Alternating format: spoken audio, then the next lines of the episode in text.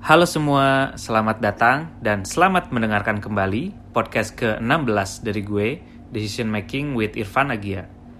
Tujuan dari podcast ini adalah untuk ngebantu audiens atau teman-teman yang dengar untuk lebih paham dan juga lebih bijak dalam mengambil keputusan-keputusan dalam hidupnya. Baik itu keputusan kecil dalam kehidupan sehari-hari ataupun keputusan yang besar. Nah, seperti biasa, buat yang nanti mau lihat key takeaways-nya atau summary dari setiap podcast ini, gue bakal selalu bagiin di platform Instastories. Jadi nanti bisa cek aja langsung di Instagram at irfan underscore agia. Oke, jadi di episode yang ke-16 ini, gue bakal coba bahas tentang study abroad atau kuliah di luar negeri. Nah, ini mungkin menurut gue episode yang paling personal buat gue karena uh, eh, gue bakal bahas tentang gimana proses aplikasi ketika mau apply di univ di luar negeri, terus persiapannya sebelum berangkat, terus kehidupan di luar negeri sebagai mahasiswa itu gimana, dan juga gimana bisa itu jadi momentum buat gue pribadi sebagai momentum yang life changing menurut gue pribadi. Nah, selain itu gue juga bakal coba bahas hal yang jadi frequently asked question buat orang-orang yang sekarang sedang tertarik kuliah ke luar negeri atau lagi proses daftar dan bahkan untuk orang-orang yang baru pulang kuliah dari luar negeri dan udah balik lagi di Indo. Oke, jadi gue cerita dulu kenapa awalnya gue memutuskan untuk kuliah ke luar negeri. Jadi dulu tuh keinginan pertama gue buat kuliah di luar tuh muncul pas pertama kali gue kuliah di S1 waktu itu semester 5 atau 6 gitu ya gue gua agak lupa. Pokoknya di di akhir-akhir semester. Ya oh iya jadi major S1 gue itu adalah di bidang psikologi. Gue kuliah di jurusan psikologi di Unpad Universitas Pajajaran di Bandung. Nah gue dulu milih bidang ini tuh karena gue sangat curious dan penasaran juga tentang human behavior pada umumnya. Jadi gue tuh seneng ngamatin perilaku orang. Jadi kayak misal pas orang-orang lagi pada ngobrol di cafe misalnya terus belanja di mall terus lagi behavior nunggu antrian. Jadi kayak seneng aja gitu ngamatin how people interact with each other gitu. Terus gimana perilaku mereka dalam konteks-konteks tertentu. Nah pas gue kuliah waktu itu gue sama beberapa temen gue itu ikutan lomba dari Dikti jadi dari Kementerian Pendidikan. Dan kita itu ikut lombanya di bidang kewirausahaan. Jadi kita waktu itu belajar bikin bisnis nyoba. Dan uh, scope bisnisnya kita pilih itu kita coba bikin brand tas ransel namanya Rupex gitu. Jadi selama ngejalanin bisnis itu gue nemuin interest gue di bidang yang lain selain psikologi gitu ya. Yaitu di bidang marketing dan juga bisnis. Nah seneng juga gitu konsep bikin produk. Tapi produk yang kita bikin itu harus sesuai sama apa yang konsumen pengen. Nah di situ learning yang paling gue inget sampai sekarang. Jadi kalau kita bikin bisnis, terutama saat kita bikin produk gitu ya, urutan bikinnya tuh jangan kebalik.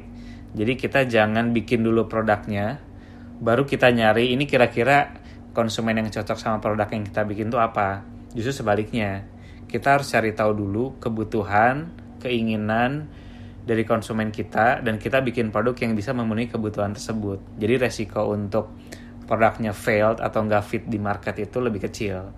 Nah dari sinilah mulai terbentuk mindset gue yang bener-bener consumer centric gitu. Jadi bener-bener harus berdasarkan perspektif taking dari consumer. Nah selama gue bikin bisnis bareng teman-teman itu gue jadi mikir uh, ini bidang yang menarik banget dan gue pribadi itu suka ngejalaninnya.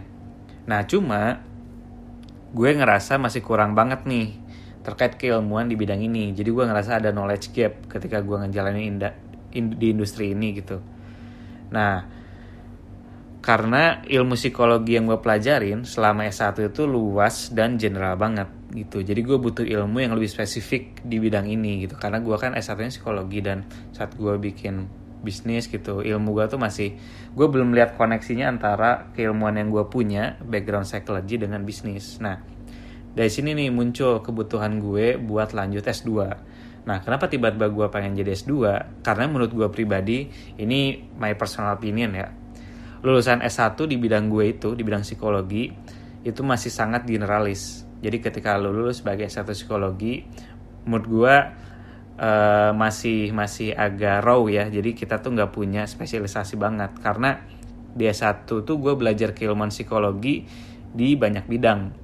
Jadi bidang klinis, klinis pun dibagi dua, ada klinis anak, klinis dewasa, terus juga psikologi industri dan organisasi, psikologi sosial, biopsikologi dan sebagainya lah. Jadi diferensiasi kami sebagai lulusan psikologi akan baru terlihat setelah kita ambil S2 yang jurusannya itu udah lebih spesifik. Gitu. Jadi that's the main reason gue ngerasa gue tuh butuh S2 kenapa? Biar gue punya added value. Dan diferensiasi. Apa sih yang ngebedain gue dengan lulusan psikologi lain? Karena gue believe semakin jelas diferensiasi dan added value yang lo punya public dan market tuh akan lebih mudah mengenali lo. Gitu. Nah setelah gue udah mantep tuh ya udah buat oke okay, abis lulus kayaknya gue butuh S2 karena gue butuh knowledge gue tuh punya knowledge gap gue tuh pengen punya diferensiasi apa yang ngebedain gue sama lulusan lain jadi gue pengen lanjut S2 nah pertanyaan selanjutnya yang muncul itu adalah oke okay, kalau S2 itu jurusan apa gitu nah gue tuh mencoba mencari sweet spot di antara keilmuan psikologi gue dengan bisnis dan marketing gitu jadi apa ya di tengah-tengahnya tuh antara psikologi dan bisnis gitu atau marketing. Nah, setelah gue cari tahu di internet, terus uh, research-research, nanya-nanya juga ke alumni-alumni gitu ya, ke dosen-dosen gue ada nggak sih mbak? Atau ada nggak sih mas jurusan psikologi yang memang berkiprahnya tuh di bidang bisnis atau marketing? Nah, kalau mau lanjut S2, di Indonesia sendiri itu belum ada jurusan dan universitas yang memang sesuai exactly menawarkan program yang gue butuhkan. Nah, terus habis gue rajin lagi browsing lagi terus ada nih gue nemu jurusan yang menurut gue ini ini tuh to be true gitu ya jadi exactly what I need and what I imagine gitu. Jadi nama jurusannya itu economic and consumer psychology. Nah dan itu tuh adanya di luar negeri which is di Belanda tepatnya di Leiden University gitu. Jadi menurut gue itu adalah that's the moment of enlightenment gitu. Wah ini gue harus kuliah di sini nih. Rasanya tuh kayak whatever happens gue harus bisa kuliah di sini. Itu tuh itu udah gue temuin di semester 6 gitu. Jadi di akhir-akhir gue udah mau lulus lah gitu. Tapi masih sebelum gue skripsian tuh. Nah jadi learning point pertama dari gue buat teman-teman yang sedang considering atau pengen kuliah dalam negeri yang paling mendasar banget itu adalah cek kembali niatnya kuliah mau keluar negeri itu apa gitu. Karena dan juga teman-teman tuh be honest with yourself gitu. Karena apa yang jadi alasan utama kita untuk kuliah dalam negeri? Kalau di ilmu psikologi eh, motivasi itu ada dua ada intrinsic motivation ada external motivation gitu jadi kalau intrinsic motivation atau motivasi internal itu adalah motivasi yang muncul dari dalam diri sendiri dan fokus utamanya itu adalah untuk diri sendiri gitu. Kalau external motivation itu motivasi yang muncul karena pengaruh dari luar atau eksternal. Jadi fokusnya itu dari luar. Nah, contoh gampangnya kalau motivasi internal di sini gitu ya. Kalau konteksnya kuliah ke luar negeri, itu misalnya untuk meningkatkan skill atau filling the gap knowledge gitu ya dalam diri kita dengan keilmuan yang lebih spesifik atau misalnya memenuhi rasa keingintahuan kita terhadap keilmuan yang kita senengin gitu I'm both gitu jadi waktu itu gue memang pertama pengen equip myself with uh, differentiation, edit value dan juga gue tuh penasaran, curious banget gitu. Gimana nih psikologi marketing tuh kayak gimana gitu. Ternyata ada ya sweet spot antara psikologi dan marketing gitu, which is di consumer psychology. Dan itu fokusnya memang dari diri gue sendiri gitu. Nah kalau motivasinya eksternal itu contohnya untuk peng dapat pengakuan dari orang lain gitu.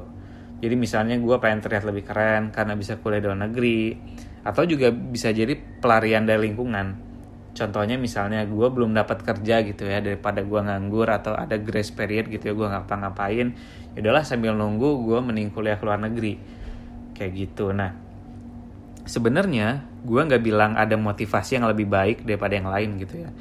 Antara internal itu lebih baik daripada eksternal ataupun sebaliknya motivasi eksternal lebih baik daripada internal. Menurut gue setiap motivasi itu bisa mendorong perilaku orang jadi lebih baik lagi tapi kita harus lihat konteksnya it depends on the context gitu. Contohnya karena menurut gue motivasi eksternal itu nggak selamanya jelek loh. Contohnya misalnya ini uh, eh, gue ambil konteks yang lain ya. Contoh misalnya orang yang baru putus gitu ya atau break up fenomena-fenomenanya. Tahu kan kalau kita lihat misalnya fenomena-fenomena yang awam kita lihat gitu untuk orang-orang yang baru break up. Ini kalau berdasarkan pengamatan gue pribadi ya gue banyak lihat orang-orang gitu ya atau some people yang baru ngalamin breakup itu biasanya semangatnya tuh terbakar banget untuk bisa proving ke orang lain terutama ke mantannya gitu ya. Kalau pilihannya untuk mutusin dia itu salah gitu. Jadi people strive to be better and prove everyone else wrong with this kind of motivation gitu. Dan menurut gue tuh tuh bisa kuat banget gitu menggebu-gebu. Jadi bisa dilihat kalau misalnya putus atau orang-orang tuh mulai menjibukkan diri dengan kegiatan yang lain, mulai nge-gym, fitness, olahraga, ikut banyak kegiatan segala macam. And for a start, that's a good thing gitu karena itu memaksa kita buat uh, crossing the line, leap of faith gitu ya. Kita tuh coba hal baru, menyibukkan diri, bahkan fokusnya itu untuk meningkatkan uh, confidence juga gitu ya, nge-gym segala macam. That's a good thing. Tapi pertanyaan selanjutnya seberapa lama motivasi ini bisa bertahan? Gitu. Kalau kita kembalikan lagi konteksnya ke kuliah di luar negeri kita itu akan playing in the long game. Gitu. We will play in the long run kalau kuliah di luar negeri. Kuliah di luar negeri itu bisa 1 sampai 2 tahun di negeri orang gitu ya di luar. Ketika kita rely sama motivasi eksternal kita bakal kesulitan buat ngejaga spirit kita in the long run. Gitu. When life knocks you down ketika hidup di luar negeri sana itu orang yang berangkat kuliah karena motivasi internal cenderung akan lebih resisten dan juga lebih cepat bounce back-nya. Kenapa? Karena dia sangat aware dan sadar bahwa oke, okay, this is my choice. Itu udah pilihannya sendiri. I'm aware that this is my choice. I want to be better. Jadi we own up with our decision gitu. Jadi perlu diingat banget nih dan perlu dipertanyakan ulang kembali ke diri sendiri buat teman-teman yang lagi consider pengen kuliah di luar negeri? Be honest with yourself. Ngapain gue harus kuliah di luar negeri? Gitu. Apakah memang jurusan yang gue pengen cuma ada di luar negeri dan di Indo itu nggak ada yang sesuai atau gimana? Bahkan pertanyaan lebih mendasar lagi ngapain gue harus S2 gitu? Kenapa nggak langsung kerja atau bikin bisnis? Karena it's a very personal choice dan sangat sangat unik ya. Jadi benar-benar tergantung situasi teman-teman sendiri. Coba reflect gitu ya seberapa butuh sih gue S2 di luar negeri seberapa urgent apakah itu bisa sesuai dengan visi teman-teman in the long run dan segala macam gitu. Nah setelah fase ini lewat ketika lo punya niat yang tepat motivasi internal yang kuat itu bakal jadi bekal lo untuk tetap maintain semangat dalam masa persiapan dan pendaftaran. Dan juga untuk survive saat perkuliahan. I've witnessed I've witnessed so many people teman-teman dek gue yang gue tahu mereka itu benar-benar punya pendirian teguh pengen fokus gitu. Gue tuh pengen persiapan ke luar negeri kuliah karena it's for their own development. Dan ada beberapa teman gue yang memang contohnya tuh terjegal di IELTS gitu ya misalnya. Jadi beberapa kali di IELTS terus juga ada yang bolak-balik uh, dap cari motivation letter segala macam banyak lah pokoknya tentang hal-hal untuk persiapan tapi in the end mereka itu bisa bisa bisa berangkat gitu. Karena mereka tuh punya spirit yang terus kejaga. Walaupun udah mengalami obstacle beberapa kali they maintain the spirit. Motivasi mereka tuh udah internal banget. Dan memang itu yang jadi bekal bekal mereka untuk maintain gitu. Dan I'm very proud of them gitu. Jadi memang itu contoh nyata banget kalau kita udah teguh banget udah firm motivasi kita internal apa yang kuliah negeri kuliah luar negeri apa pun yang kita temuin we'll try to make uh, that happen gitu. Gitu. Jadi setelah lo udah mantep nih ya dengan niat lo learning point yang kedua yang mau gue share adalah research the universities. Setelah kita udah oke okay, ini gue udah mantep ya gue mau di luar negeri kita research universitinya ada apa aja kumpulin option sebanyak-banyaknya. Untuk lo tuh punya perbandingan mana sih yang paling sesuai dengan minat dan kebutuhan lo. Nah yang di research apa aja sih? Gak cuma nama jurusan, universitas dan juga negaranya. Karena menurut gue yang paling penting adalah lo cari tahu sampai silabus-silabusnya gitu ya, sampai matkul-matkulnya. Mata kuliah yang bakal dipelajarin apa aja, dan jurnal-jurnal yang akan jadi bahan belajarnya apa aja. Ini sebenarnya untuk make sure ekspektasi lo terhadap nanti proses perkuliahannya gimana gitu karena gak jarang juga gue temuin orang atau temen gue gitu yang saat gue di luar ngerasa wah ternyata yang gue pelajari itu segini doang. Under expectation gue ternyata nggak begitu signifikan gitu perbedaannya. Waktu gue gua kuliah kemarin gue tuh ampe uh, download download semua jurnal gitu yang jadi bahan rujukan buat kuliah nanti. Nah ini tuh bisa punya dua benefit sebenarnya. Pertama set the right expectation. Kita jadi tahu gitu oke nanti ketika gue kuliah nanti matkulnya apa aja berapa SKS nanti temanya apa aja topiknya apa aja jurnal yang akan dipakai apa aja. Kita udah punya uh, the right expectation ketika kuliah. Dan kedua kita tuh jadi punya one step ahead. Ketika nanti kita udah mulai kuliah.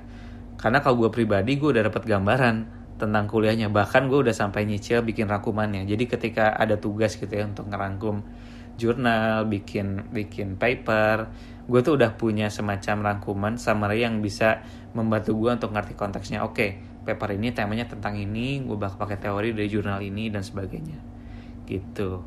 Nah learning point ketiga setelah lo udah punya banyak pilihan dan lo udah choose satu yang paling tepat dengan kebutuhan lo langsung cek persyaratan kuliahnya tuh apa aja.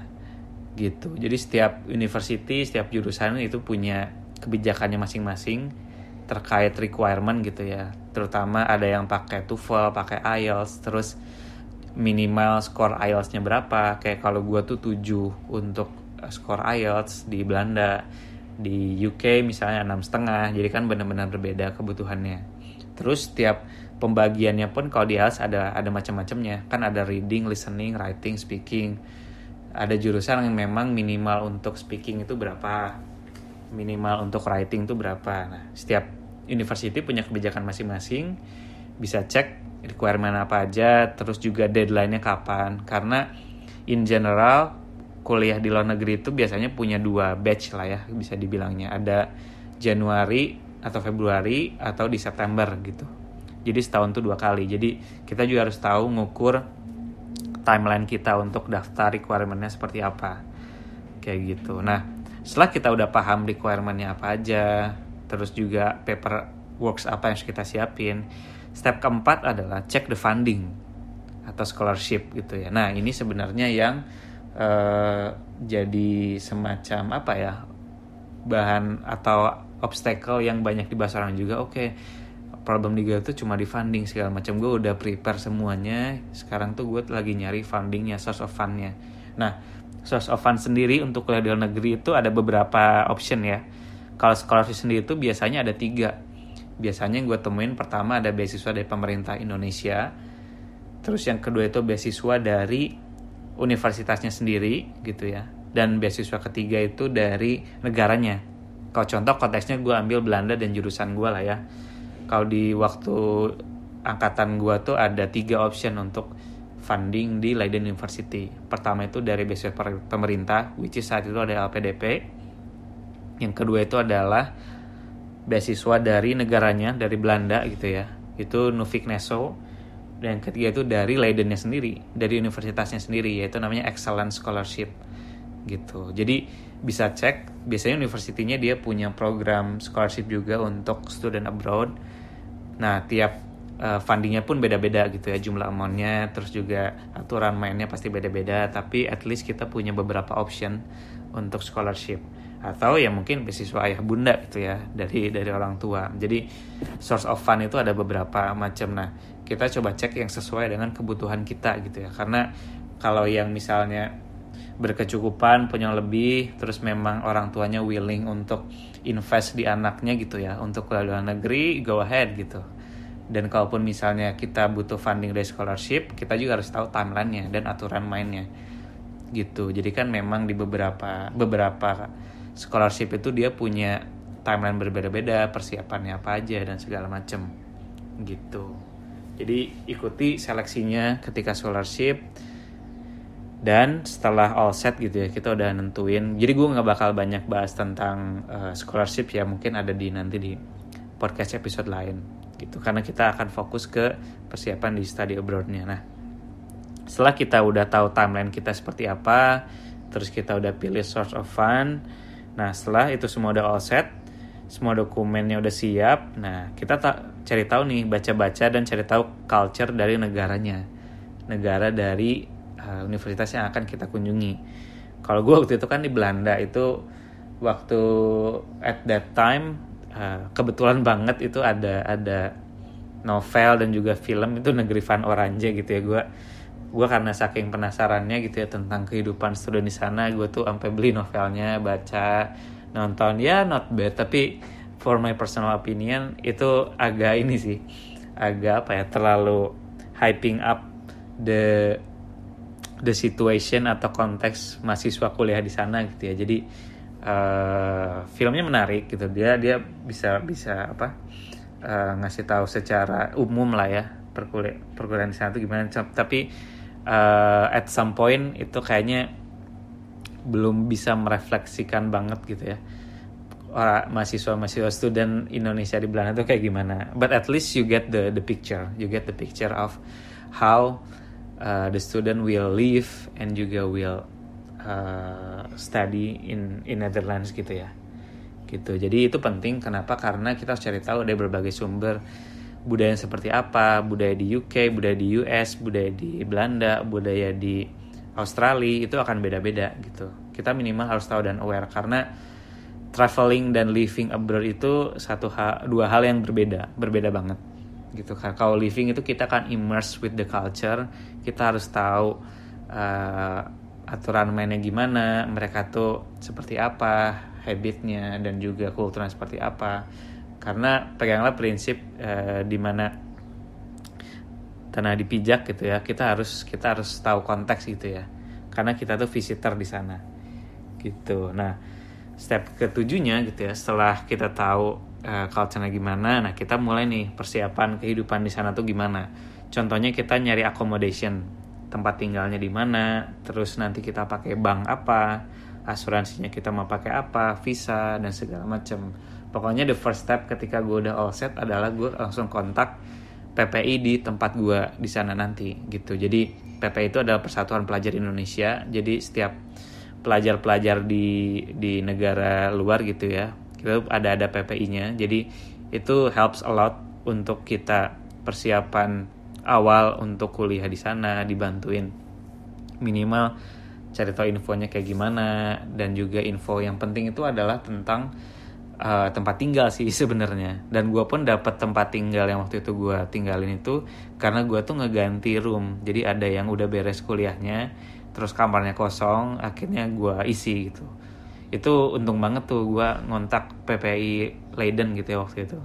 Jadi gue dapat dapat info langsung dari sana dapat kayak gitu. Jadi harus kontak minimal kalau teman-teman yang nggak punya kenalan gitu ya nggak punya relasi di negeri orangnya itu first step is contacting the student association.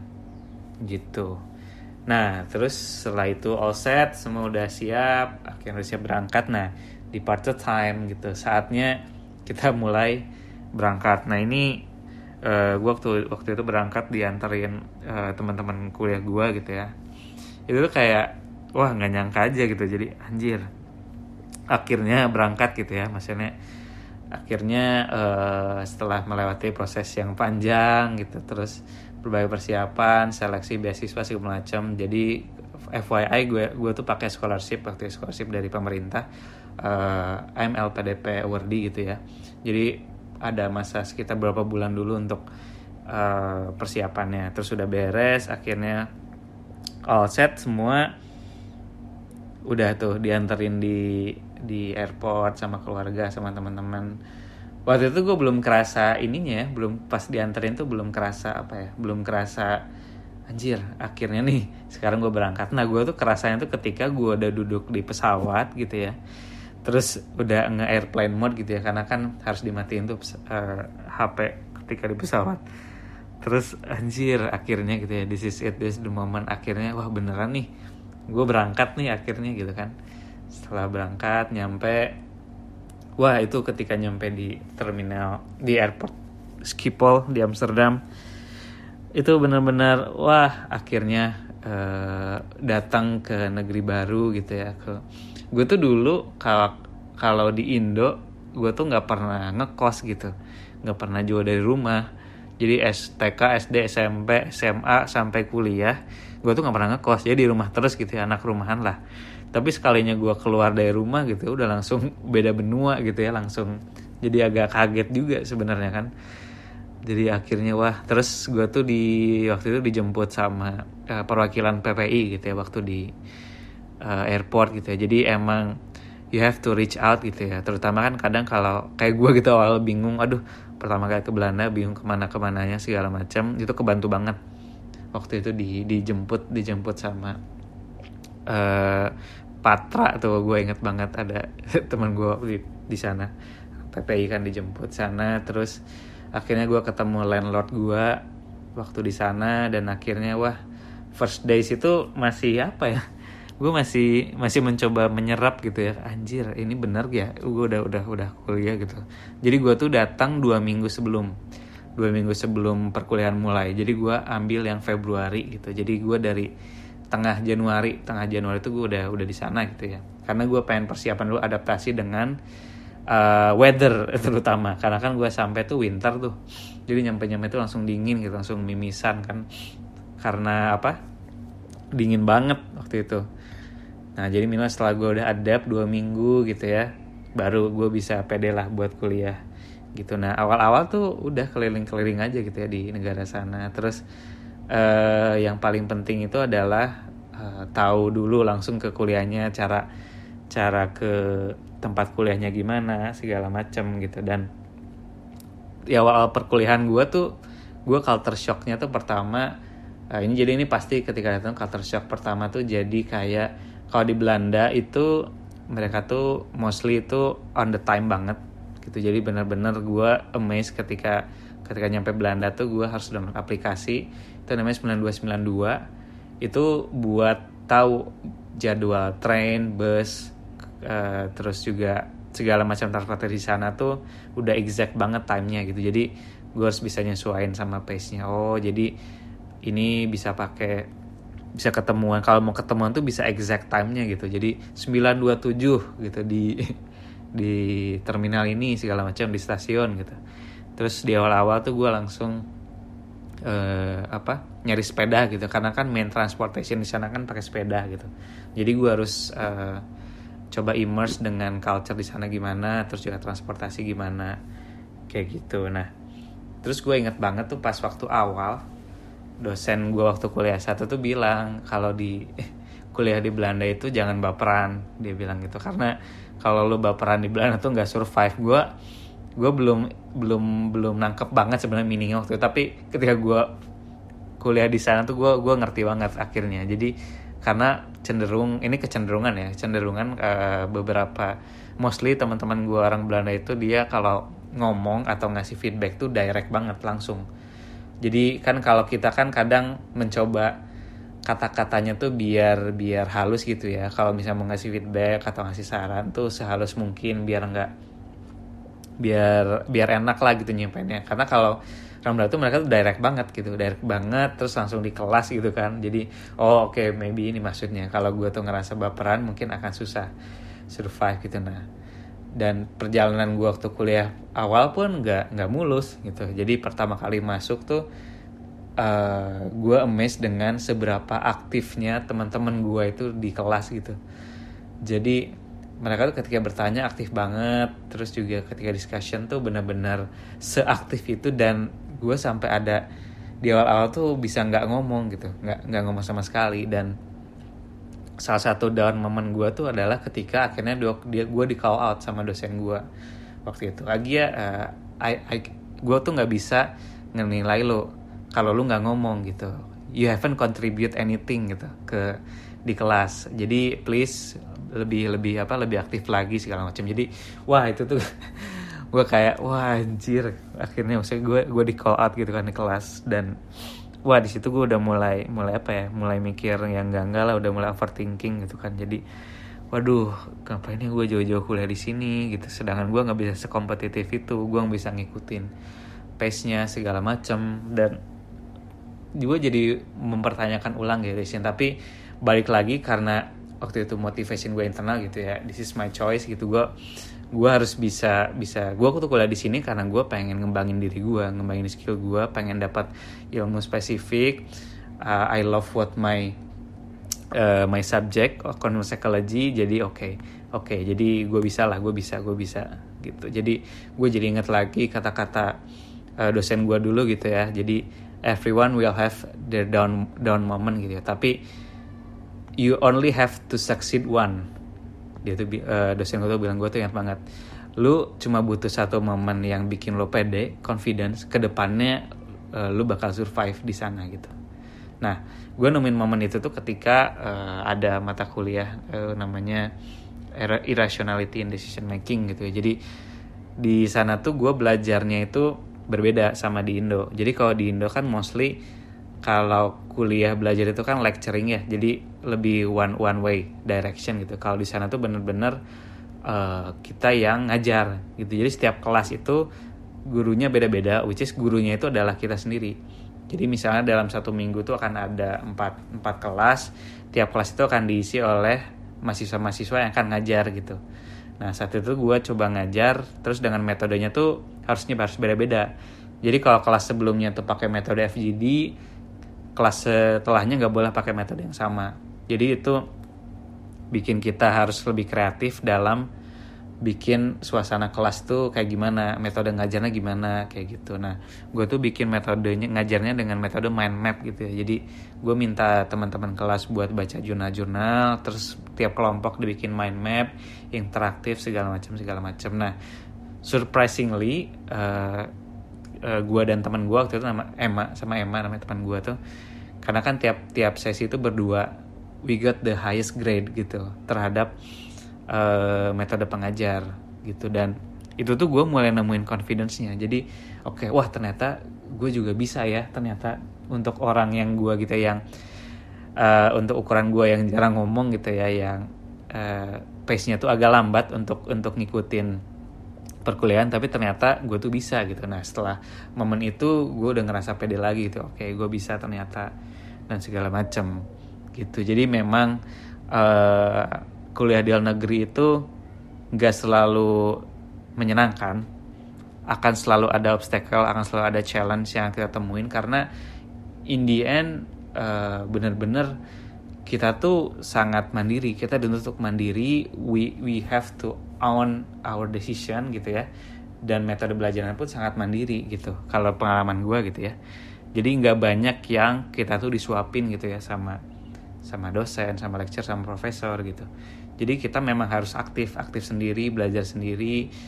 Terus juga kalau nggak tahu kita harus juga actively seek out our lecturer dan sebagainya.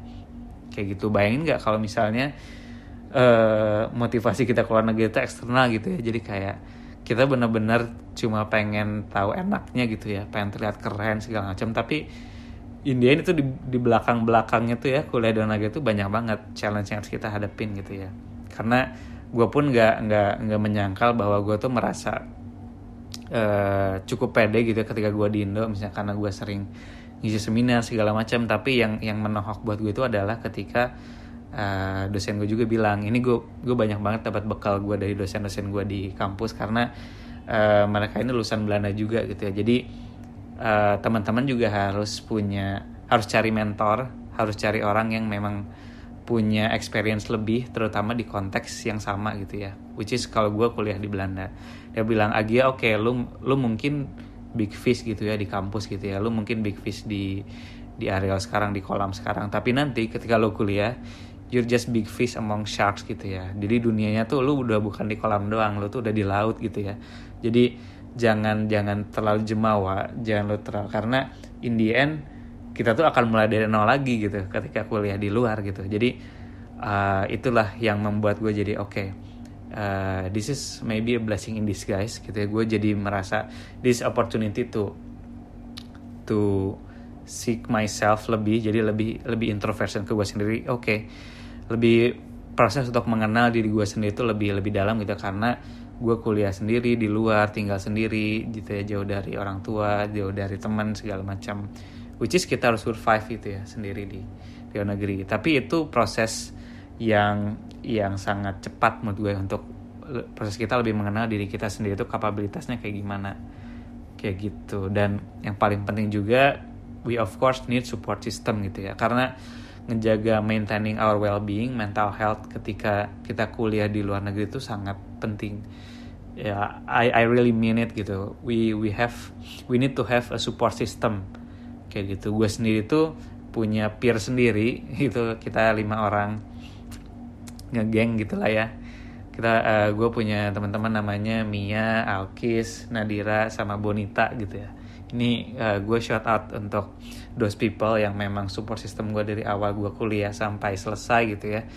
Karena in the end kita tetap kita tetap butuh uh, someone gitu ya. Kita tetap butuh grup yang bisa uh, bertukar pikiran bertukar apa pengalaman saling sharing curhat gitu ya tentang kuliah di luar gimana. Karena kita se sepenanggungan gitu ya sama gitu jadi uh, yang lucunya tuh uh, grup kita ini terbentuk dari waktu kita tuh satu pesawat ternyata bertiga tuh ada. Gua gua Alki sama Nadira tuh satu pesawat gitu ya. Terus ketemu sama Mia sama Bonita di Leiden gitu ya. Jadi uh, bon bon kita terbentuk dari awal sana dan it really help helpful gitu ya. You really need support system gitu. Find your support system di sana.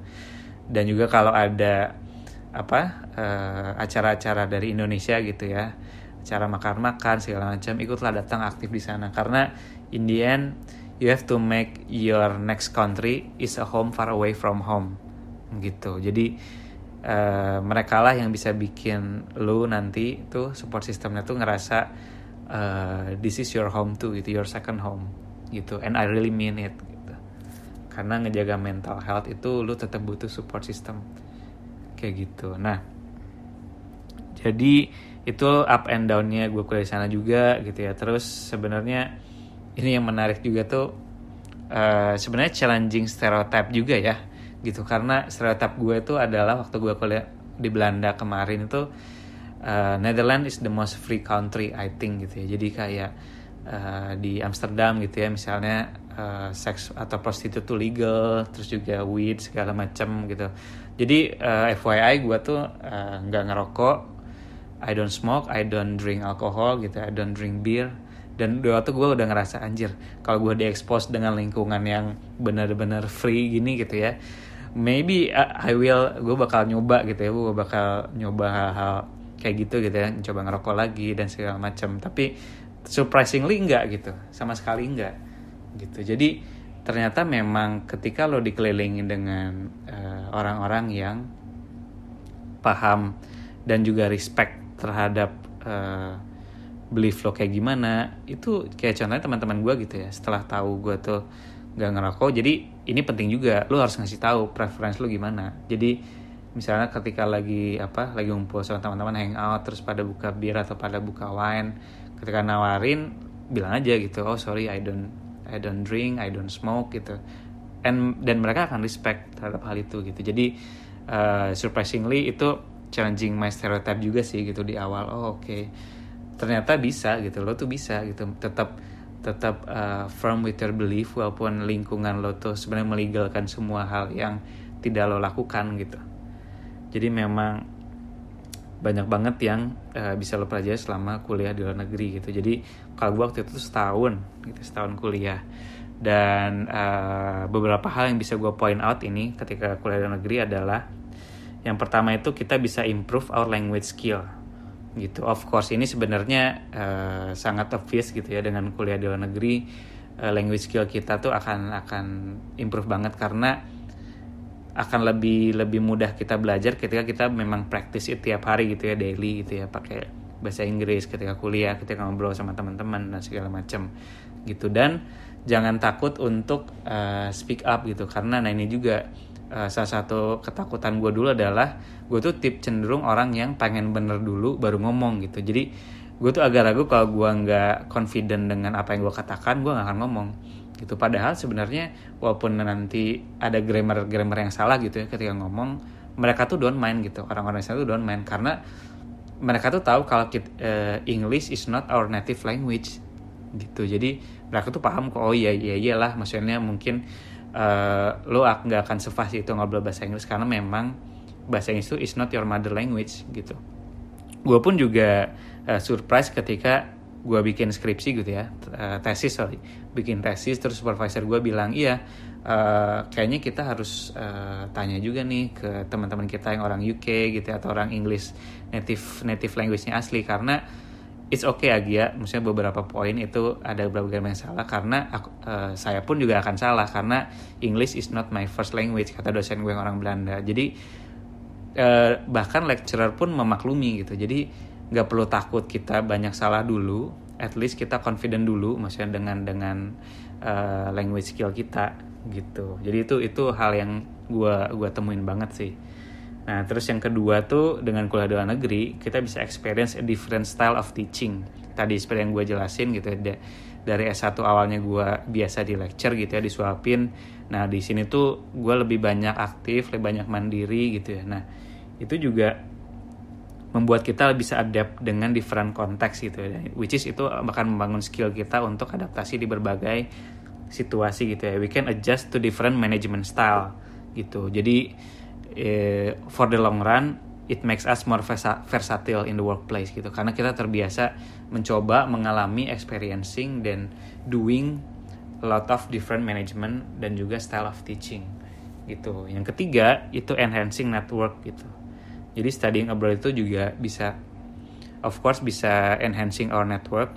Gak cuma dengan orang-orang kita yang di luar sana tapi yang paling penting adalah uh, orang luar gitu ya dengan teman-teman kita di luar negeri gitu. Itu sangat kerasa banget gue sampai sekarang pun. Jadi ada beberapa event yang terjadi dan gue bisa di invite karena gue punya network dari teman-teman gue waktu kuliah di sana. Kayak gitu. Jadi it can lead to career opportunities including internship job offers business partners dan juga seminar-seminar. Gitu.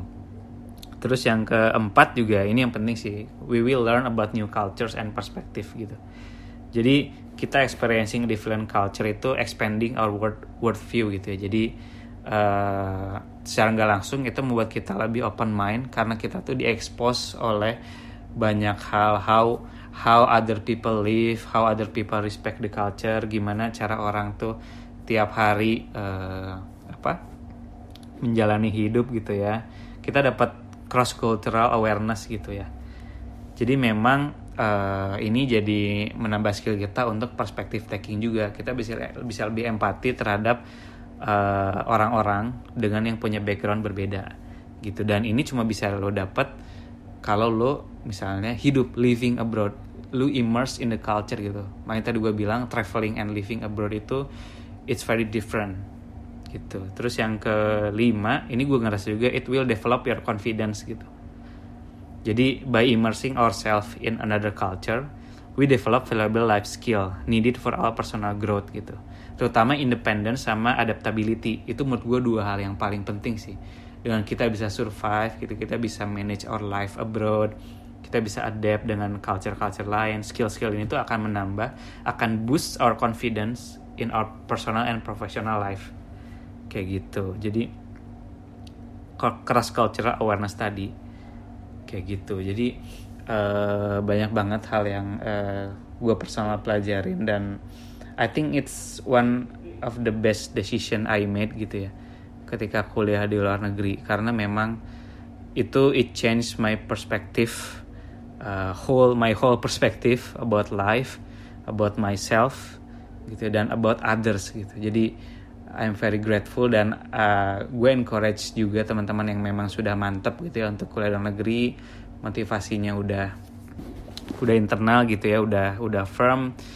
Well just do it gitu. Just prepare prepare yourself gitu ya. Terus uh, envision yourself in four five years ahead gitu. Jadi uh, this will be a life changing momentum gitu. Untuk uh, kuliah di luar negeri gitu ya. Nah setelah beres gitu ya dan memang uh, persiapan pulang gitu ya akan ada ada momen namanya tuh reverse culture shock gitu. Jadi buat gue ini adalah uh, culture shock yang lebih hebat dibandingkan culture shock pertama kali. Jadi ketika kita pulang eh, kita kita pergi ke luar negeri living abroad di sana we will have culture shock. Tapi ketika pulang itu akan ada uh, fenomena namanya reverse culture shock gitu. Jadi memang apa itu yang akan dialami oleh semua orang yang akan yang pulang gitu ya dari kuliah luar negeri.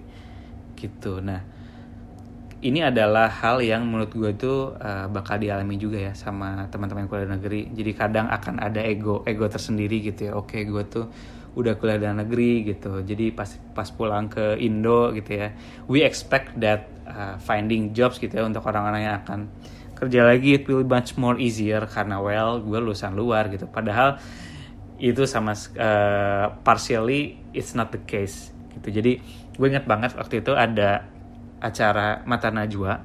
Jadi Mata Najwa itu dia uh, pertama kalinya bikin uh, brand activation gitu ya. Event di luar negeri itu adalah di Amsterdam. Jadi Mata Najwa Goes to Amsterdam itu adalah program pertama kali Mata Najwa untuk uh, apa airing di luar negeri. Nah waktu itu gue ikut sama teman-teman gue yang ngisi acaranya itu ada tiga, ada Pak uh, apa? Pak Ridwan Kamil, Ganjar, Pak Ganjar sama uh, uh, satu lagi Prof. Renal Kasali gitu ya. Nah ada satu satu satu momen yang uh, gue lupa siapa yang bilang tapi itu benar-benar ngebuka ngebuka menyadarkan gue lah slapping in my face gitu ya. Jadi salah satu dari pengisi acara itu bilang ketika pulang nanti kalian jangan ngerasa yang paling pinter gitu ya. Jangan jangan ngerasa lebih daripada yang lain. Kenapa? Karena teman-teman kalian yang lagi di Indo selama kalian kuliah ini nggak diem aja loh gitu.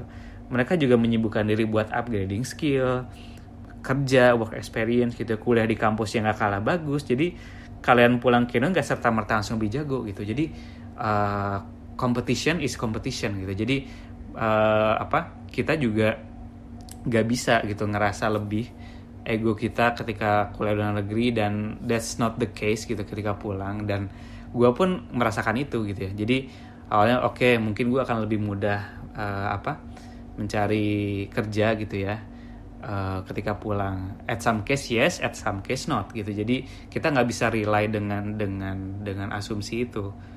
Jadi kayak contohnya gue aja waktu kuliah, eh, waktu pulang kerja itu adalah uh, status gue tuh sama aja kayak fresh grad gitu. Karena gue memang belum punya work experience gitu. Jadi nggak nggak dispesialkan. Mungkin di beberapa di beberapa company ada yang memang uh, mengkhususkan lulusan negeri, tapi that's not the case in every company jadi manage juga ekspektasi teman-teman ketika pulang gitu ya jadi memang uh, challenge challenge akan tetap ada competition akan tetap ada kayak gitu jadi ketika pulang itu juga uh, tetap perjuangan tuh belum berakhir teman-teman. Ketika pulang itu justru it's it's just a beginning gitu. Jadi uh, ketika teman-teman pulang dari luar negeri gitu ya balik ke Indo uh, seharusnya teman-teman tuh bisa tahu bisa tahu bahwa oke okay, gue bawa bekal experience gue di luar negeri. I think it can be useful when applied in Indonesia misalnya. Ini skill-skill gue tentang perspektif taking gitu ya adaptability itu harusnya menjadi advantage gue untuk jadi edit value dan juga keilmuan gue spesifik untuk uh, misalnya dapat kerja atau cari kerja dan segala macam ya. Kayak gitu. Nah jadi uh, eh, gue perlu nge-highlight bahwa pilihan kuliah dan kuliah di luar negeri itu bukan satu-satunya jalan menuju sukses gitu ya gitu. Jadi gue nggak akan mengglorifikasi pilihan kuliah luar negeri itu sebagai satu-satunya away untuk uh, teman-teman upgrading skill gitu ya. Terus juga untuk lebih sukses no. But uh, it can be a way gitu. Jadi sebenarnya pilihan kuliah di luar negeri itu bukan satu-satunya pilihan, tapi bisa jadi salah satu pilihan untuk teman-teman yang memang sudah mantap uh, niatnya, memang sudah sesuai kebutuhannya. It will be a very rewarding experience untuk teman-teman. It will be a life changing moment, kayak gitu. Dan uh, berdasarkan reflecting tadi yang tadi gue cerita, the meaning of success itself is when you know what you want and you taking the necessary action to achieve it jadi ketika lu tahu uh, dengan ngambil kuliah dalam negeri itu, this is what you need, this is what you want, you will take a lot of necessary action to achieve it. Gitu, lu akan uh, berhadapan dengan banyak challenge kayak misalnya nyiapin paperwork, minta motivation letter, terus juga persiapan scholarship, cari funding dan segala macam. But uh, in the end it's very rewarding gitu. I I, I guarantee it it will be a life changing moment buat teman-teman semua kayak gitu nah oke okay. dan terakhir don't expect to be perceived smarter to be perceived more open minded oleh orang itu mood gue edifil secara gaji treat it it's just a bonus gitu. Baik lagi ketika motivasi kita internal satisfaction kita adalah ketika kita pulang gitu ya dari luar negeri kita punya added value kita punya diferensiasi gitu. Kita sudah memuaskan rasa keingintahuan kita terhadap keilmuan yang memang kita suka gitu ya. Itu is just a bon it's just bonus gitu ya. Ketika teman-teman dapat apa gaji lebih atau segala macam it's just a bonus. Jangan jadikan itu sebagai motivasi utama untuk kuliah di luar negeri kayak gitu. Jadi oke okay, I think that's all tentang study abroad. Semoga berguna buat teman-teman yang dengar dan untuk next episode gue bakal bahas tentang public speaking. Ini salah satu topik yang gue gak nyangka gue bakal deliver karena uh, dulu at that time I think one of the most uh, skill atau hal yang paling low gitu di diri gue adalah public speaking gitu ya. karena uh, gue tuh cukup cukup uh, gue tuh nggak pede ngomong di banyak orang konteks presentasi itu jarang segala macam but I think I will share uh, this topic gitu ya karena what I learned to be more uh, confident in public speaking dan menurut gue ini skill yang uh, harus semua orang punya dan menjadi introvert itu bukan sebuah alasan untuk tidak public speaking. Gitu I'm an introvert and I think public speaking is highly important. Gitu jadi gue berharapnya ke depannya kita bisa up lagi di next episode kalau ada masukan atau ide topik apa lagi yang menarik buat dibahas bisa langsung mention gue di Instagram at irfan underscore agia. Sampai jumpa di episode ke-17 Decision Making with Irfan Agia. See you in the next two weeks. Bye